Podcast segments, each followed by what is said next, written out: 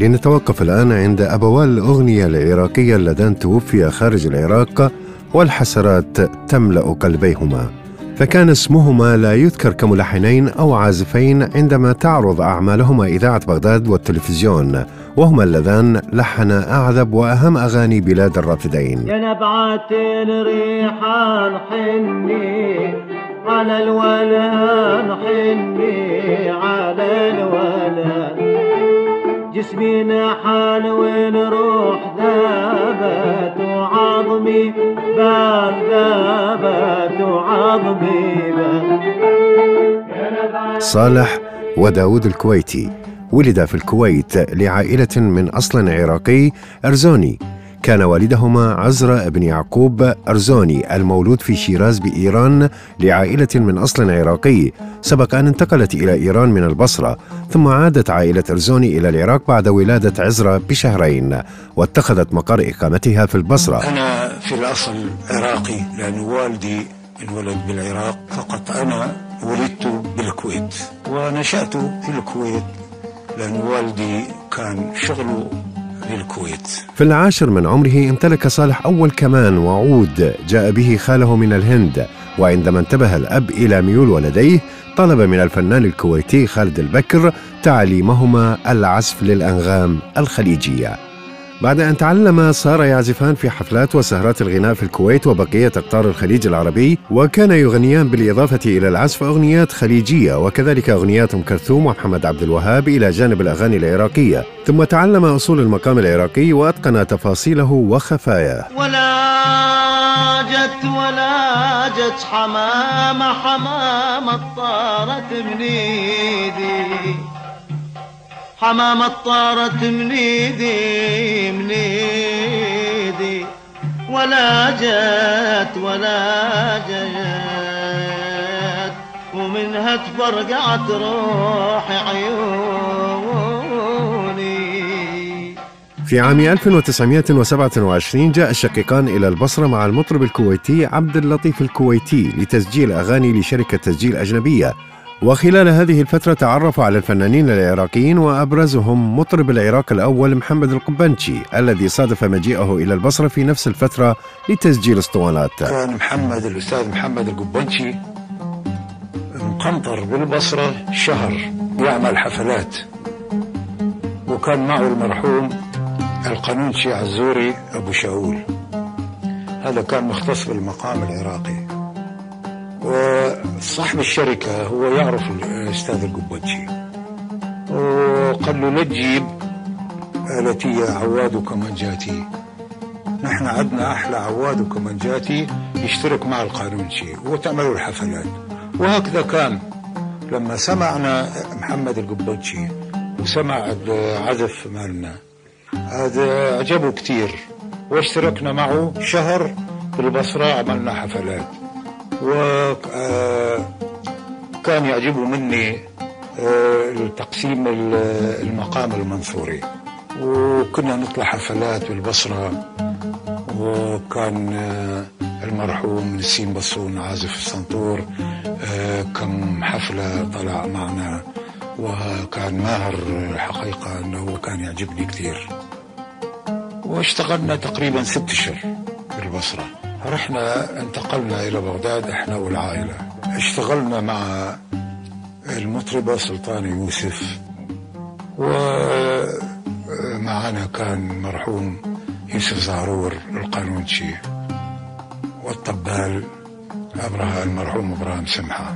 بعدين سمعوا بنا النوادي صرنا ننتقل من مكان إلى مكان وكلهم كانوا يحبون أن يشغلونا عندهم وهذيك الوقت تعلمنا النوطة الفرنجية.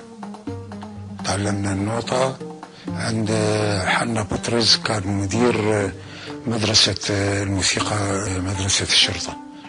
أنا جددت بالمغنى العراقي بصورة ما خرجت عن الفن العراقي بس جددت فيه. أنغام اللي ما كانت موجودة. في العراق لحنت عليها قطع مثل زنجران مثل نقريز بس ما ما تأخذت تجديد اللي هو غريب عن يعني على ذوق الشعب. جددت بصورة أنه الشعب يستذوقها ما خرجت عن الموسيقى العراقية فقط جددت فيه خادري لجاي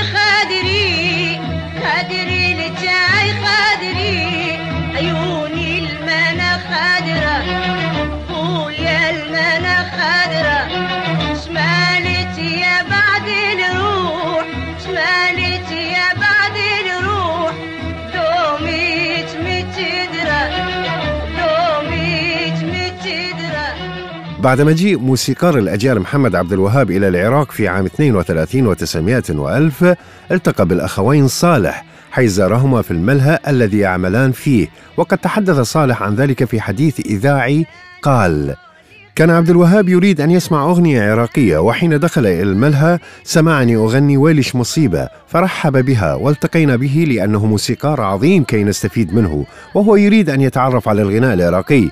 وظللنا نلتقي طوال أيام وجوده في بغداد وكان يسمعني وأنا أغني أغنياته لا سيما أغنية خدعوها بقولهم حسناء. كما قمت بمرافقته بالعزف على الكمان بطلب منه كما طلب مني لحن ويلش مصيبة من نغم اللامي وكتبت له نوطته الموسيقية. وعندما عاد إلى مصر غنى أغنيته المعروفة يلي زرعت البرتقال وهي من نغم اللامي العراقي. وكذلك أغنيته أنا والعذاب وهواك علما أن أغانيه السابقة كانت تخلو من مقام اللامي وهذا المقام وسعته وطورته كان في الأصل نغما بدويا وينسب إلى عشيرة بني لام وكان ينشد في البادية. ياللي زرعتوا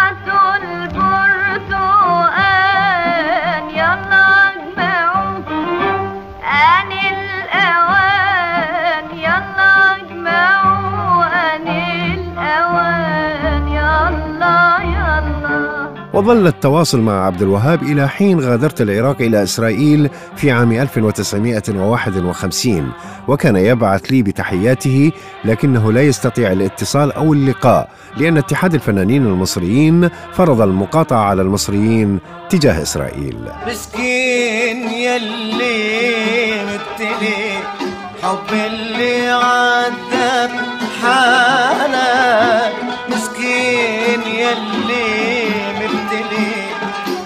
اللي عذب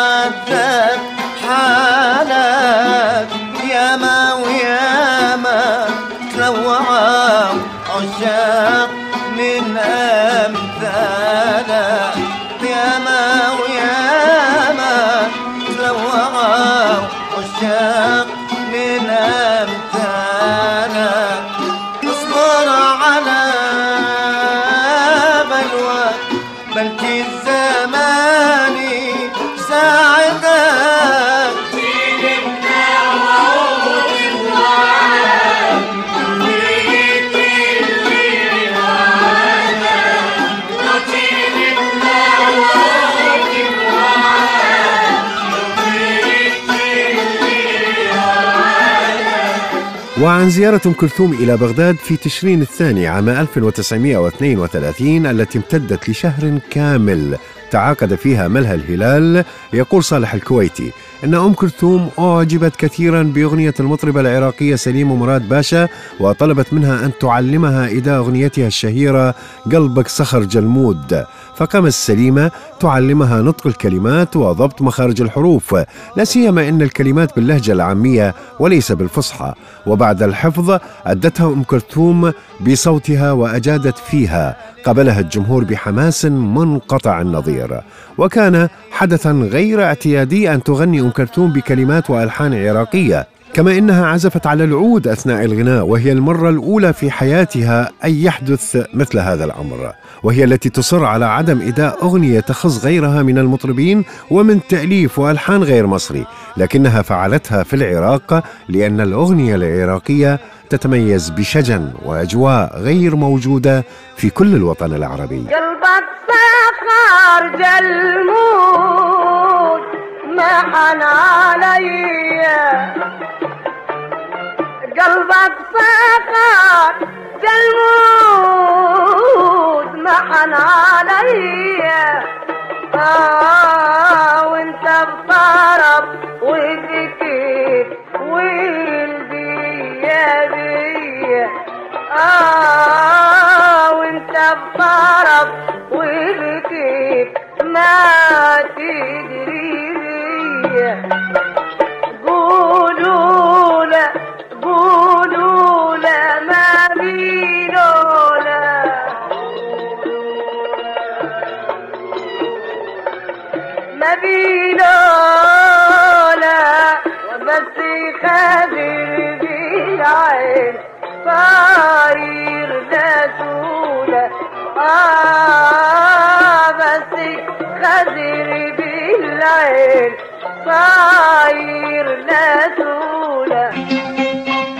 وعند افتتاح إذاعة بغداد في الأول من الشهر السابع عام 36 و900 وألف طلب وزير المعارف من صالح تشكيل فرقة موسيقية خاصة بالإذاعة فقام الكويتي بتأسيسها من كل من صالح رئيسا وعازفا على الكمان وشقيقه داود على العود ويوسف زعرور على القانون وإبراهيم طقو على التشلو ويعقوب العماري على الناي وحسين عبد الله ضابط الإيقاع.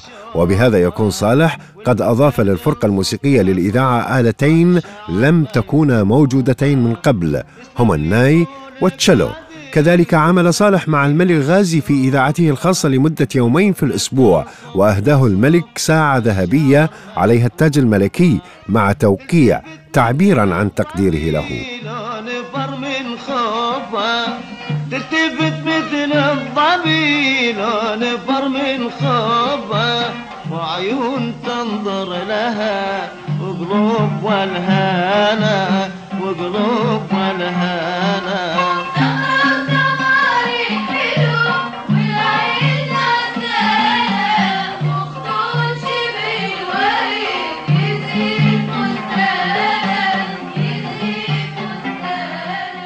والكويتي هو أول من أدخل المطرب الريفي حضيري أبو عزيز وكذلك سليم مراد إلى جانب القبنشي وحسن خيوكة ونجم الشيخ خلي وغيرهم إلى الإذاعة. حضير أبو عزيز أنا سجلت معه اسطوانات سنة 29 هو من الناصرية وسافر الناصرية وسنة ال 41 رجع لبغداد وبصفته يعرفني وأنا كنت رئيس فرقة الإذاعة هذاك الوقت.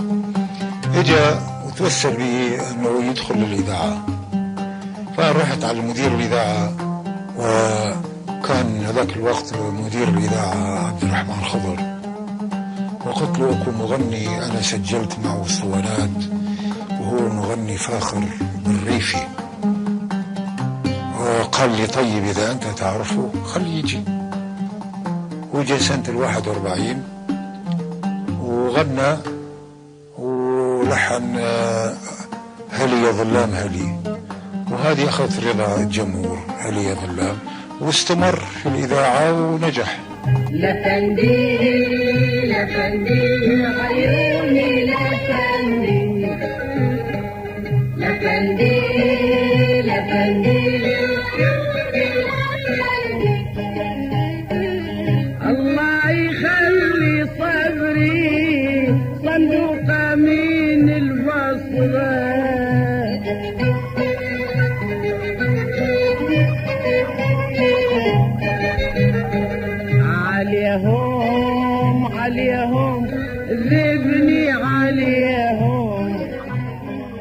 السينما شارك الكويتي بتلحين أغاني والموسيقى التصويرية لفيلم عليا وعصام الذي غنت فيه سليمة مراد أغنيات وكلمات أنور شاؤول. أول فيلم عراقي لحنت الغناء والموسيقى آه، ماله. ولحنت آه، قطع آه، غنائية الذي نظمها الأستاذ أنور شاول ثمان قطع أغاني اللي تتغنت بالرواية. وكانت سليمة تغنيها وصبيحة إبراهيم تغنيها لل- للقطع. آه، وكان كنا ناخذ دائما من من مؤلفين مثل عبد الكريم العلاف مثل ملا منفي آه، من إحنا كنا نلحن مال بها زهير شعر آه، هذه كنا نلحن غناء عليها ونعطيها للمغنيين.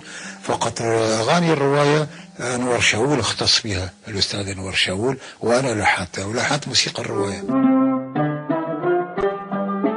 بعد أعوام 58 ثم 63 ثم 68 و900 وألف بدأ التهميش على اسمي الأخوين الكويتي على نحو متعمد. وصار لا يذكران في الكتب الموسيقية أو التاريخية التي تتناول الموسيقى العراقية ولا حتى يذاع اسمهما مع الأغاني التي لحناها لعشرات المطربين العراقيين بسبب سياسة النظام البعثي. بالرغم من أنهما قدما أكثر من ألف أغنية ومعزوفة عراقية.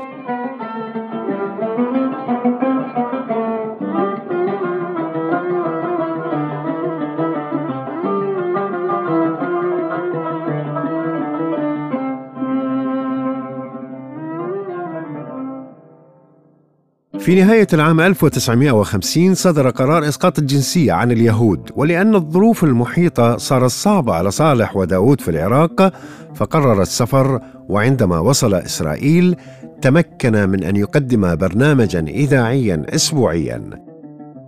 وبذلك كان لهما متنفسا لإداء الأغنية العراقية والإشارة إلى ألحانهما بالاسم كرد على التهميش العراقي وقتها. الذي كان يذيع أغنياتهما بلا اسم وهو ما كان يؤلم صالح الكويتي الذي قال في حديث إذاعي إن تلاحيني تذاع في العراق لكن ليس باسمي. وأنا أقول إن الفن شيء والسياسة شيء آخر ونحن في إسرائيل كنا نذيع كل الأسماء العراقية والعربية. فلماذا يمنع بث اسمي؟ يا هل خلق من شاف والبي وعرفه يا هل خلق؟ من شاف والبي وعرفه طلع خاين بات ما عنده وفا طلع خاين بات